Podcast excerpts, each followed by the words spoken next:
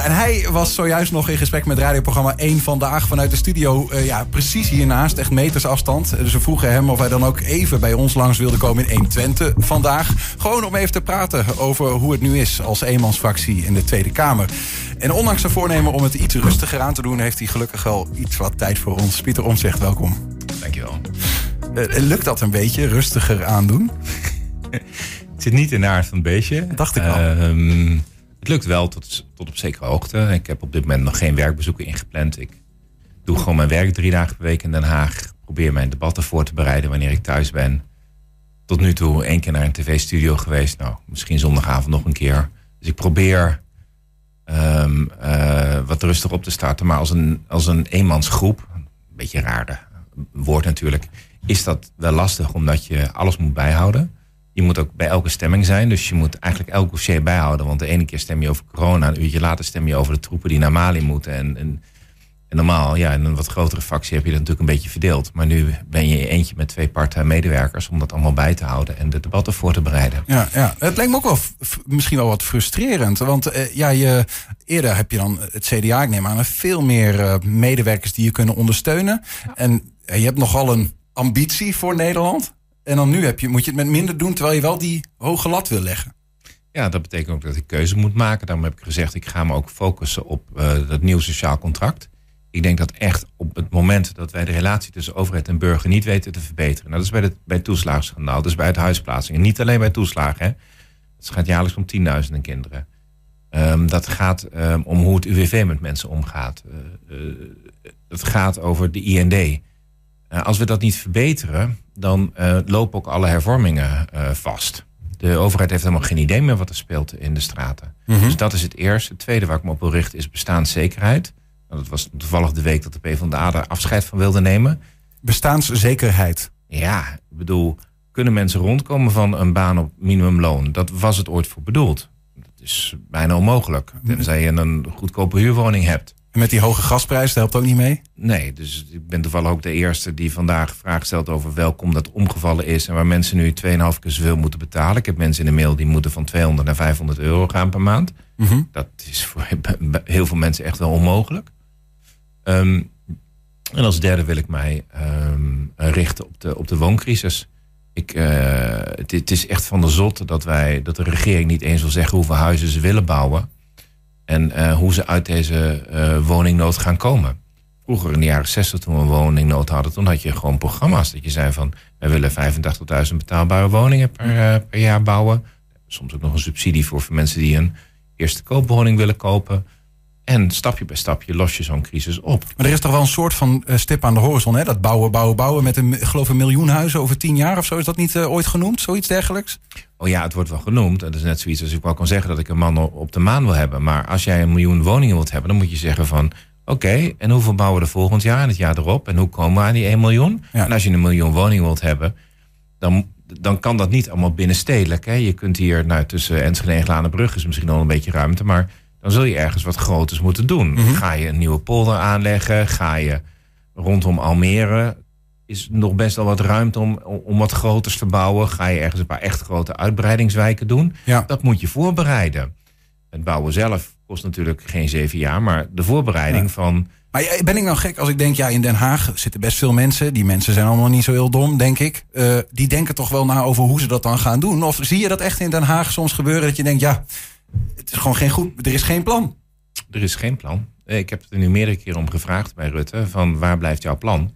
Dan hoef ik het niet 100% eens te zijn met het plan, maar er is geen plan. Maar dat kan toch niet? Dat, is toch, ik, dat vind ik heel raar om te horen. Nou, maar dat is precies waar ik me boos om maak. Ik bedoel, je kunt mij vragen, maak jij het plan? En dan zeg ik van ja, we hebben nou ministeries voor. En niet die twee part-time medewerkers van mij. Ik kan niet in mijn eentje de hele, hele wooncrisis gaan oplossen. Mhm. Dat was ik ook niet van plan. En eh, dat plan, dat wil ik graag zien van de regering. Nu zeggen ze, ja, dat is aan een nieuw kabinet. Dat is ook het leuke. Het oude kabinet zit er nog en is demissionair wanneer ze uitkomt... en missionair wanneer ja, uitkomt. En het nieuwe kabinet is waarschijnlijk precies hetzelfde als het oude kabinet... maar tot ze, tot ze weer nieuw zijn, mogen wij ze niks vragen. Nou, echt om, om je kapot te schamen. Dat mag een maandje, maar dat kun je niet drie kwart jaar in Nederland aandoen. En dat is nu wel wat er gebeurt. Ja, ja. En ehm, ja, eh, een jaar missen in de wooncrisis betekent dat al die mensen thuis blijven wonen. En ja, eh, daar zul je toch echt wat aan moeten gaan doen. Ja. Nog even, want je noemt eigenlijk van ja, het is choose your battles. Hè? Je hebt er drie genoemd, drie speerpunten. Uh, ik kan me ook voorstellen dat het, uh, ja, je hebt volgens mij minder spreektijd in de Tweede Kamer als je gewoon in je eentje bent. Uh, dat dat soms ook wat ingewikkeld is. Nou, begrijp, op 12 oktober heb je bij het debat eigenlijk gesproken mede namens Volt. En wij vroegen ons af, geeft dat dan ook meer spreektijd als je ook mede namens Volt? Nee, helaas niet. Dat is nee, vervelend. Dat was niet de strategie op dat moment. Nee, nee, nou, de, de, de, spreektijd in de commissies heb je gelijke spreektijd. Als het wetgeving is, heb je ook. Maar alleen als het uh, die algemene debatten zijn, dan krijg je echt minder spreektijd. En bij begroting ook. Nou, bij begroting is het heel simpel. Ik doe niet aan alle begrotingen mee. Het is maar even zo. Anders ben ik gewoon uh, zeven weken lang niks anders dan morgens vroeg, van s elf, nooit vroeg, maar tot s avonds één uur in de kamer. En dan zou ik elke dag een andere begroting moeten kennen. Dat, dat gaat echt niet lukken. Dus dat lukt nog wel. Nou, en ja, het is voor mij een goede oefening om dingen wat korter en bondiger te zeggen. Maar op een aantal dossiers ben ik aan het samenwerken. Dus ik ben uh, één keer met jaar 21 uh, een aantal dingen samen gedaan. Met de ChristenUnie een keer. Met Volt. Ja. Um, is dat een soort van eh, ook iets wat u in Den Haag uh, wil, meer wil verspreiden? Dat mensen het op die manier aanpakken?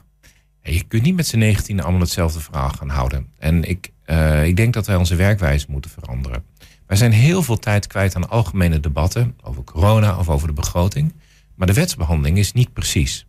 En zo'n wet, die hoef je niet met 19 man te behandelen. Dat kun je ook twee of drie rapporteurs. Dat gebeurt in elk parlement in Europa. Dat iedereen komt een keer aan de beurt. Dan moet je zo'n wet heel grondig doorkijken en behandelen of die klopt. En nu denk je dat ze alle 19 doen, maar het alle 19 niet goed. Ja. En zo zag je dat ik de afgelopen weken twee keer een wet op de agenda gezet heb die niet iedereen wilde behandelen. Dat was die wet over het stembiljet en de wet over de verlaging van de kinderbijslag. En toen behandelde iedereen hem wel. Maar de wetsbehandelingen laten we dan lopen, terwijl we constant algemene debatten aan het doen zijn. Maar dan mis je dus van, klopt de wetgeving wel? En we hebben gezien, als er ook maar kleine fouten in de wetgeving zitten, en dat zag je bij het kinderopvangtoeslagschandaal, dat mhm. enorme gevolgen hebben voor mensen. Dus uh, dat is heel precies werk, wetgeving. En dat is eigenlijk de kerntaak. Dus ik heb ook gedacht, van, nou ja, als ik dingen moet laten lopen en dingen wel en niet doen, wetgeving is mijn kerntaak. Nou, en dan maar een keer even iets minder hier. Maar ja, goed, ik kon hier weer niet naar buiten lopen zonder dat ik naar binnen getrokken Ja, precies. Dat, nee, ja, ja, ja, ja, zo zijn we dan ook alweer. Precies, want daar nog even over. Uh, u zat net bij 1, of bij 1 vandaag. Ja, bij 120. Ja, ja, dit is 120 vandaag. Eén deurtje verder is 1 vandaag. Uh, waar ging dat over dan, vandaag?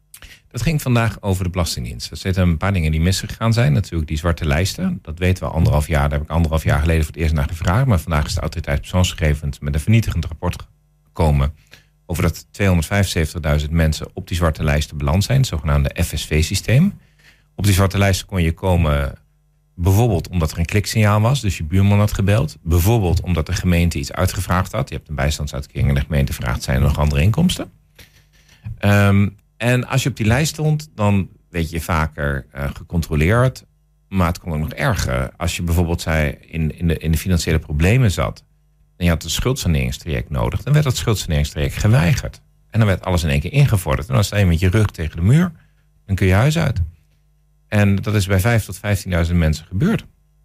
En um, nou ja, dus de problemen bij de Belastingdienst zaten niet alleen bij de kinderopvangtoeslag en de, en de kot, zeg maar. Um, en het tweede probleem is dat die aanpak van de kinderopvangtoeslag is ook losgelaten op belastingadviseurs. Dus mensen zijn eigenlijk eerst schuldig begonnen, bevonden voordat ze zichzelf konden verdedigen. En dat lijkt daar ook tot grote problemen geleid te hebben. Dus het lijkt op dat de onderste steen nog niet bepaald boven is bij de Belastingdienst. Ja, er komen er steeds meer, lijkt het wel. Zo poppen ze op. Nou, wij kennen deze al langer. We hebben er al meerdere keren naar gevraagd. Maar dat is dus iedere keer als je dat langzame werk aan doen en van Kamervragen. Ja, die worden niet altijd meegenomen in de kranten. Dus ze vinden het leuker als je iets, iets heel hards voor de televisie schreeuwt. En als je best doet om te graven. En ik, we zijn nou, Renske Leijten, ik, maar ook Farid Azarkan, op een gegeven moment helemaal Lottes, zijn al een aantal jaar aan het graven in deze dossiers. dus we hebben al een hoop boven tafel, we weten hier een hoop van. Maar dat komt iedere keer een beetje naar boven in die debatten. En iedere keer moet je trekken en sleuren. Maar ja, de combinatie van het spreken van de mensen die hiermee te maken hebben en het naar boven halen is vrij intensief bestaan. En dan zijn we terug bij vraag 1. Ja, heel rustig wordt het er nog niet van. precies. En hopen dat die nieuwe bestuurscultuur daaraan iets gaat veranderen. Ja, ga heen. Nieuwe bestuurscultuur met, nieuwe bestuurscultuur met dezelfde mensen. Kabinet idee. Nou, niet alleen nou, dezelfde kabinet, maar ook nog dezelfde mensen. Um, kansloos. Tot slot dan. Uh, net bij één vandaag, nu bij 120 vandaag. Staat er vandaag nog wat programma of gaan de beentjes omhoog zometeen? ik moet nog wat dingen schrijven. Maar eh, voor de rest eh, zit ik lekker op de bank eh, vanavond. Nou, geniet ervan. dank je. Pieter Omzicht, dank even voor de Goed tijd. weekend. Goed weekend.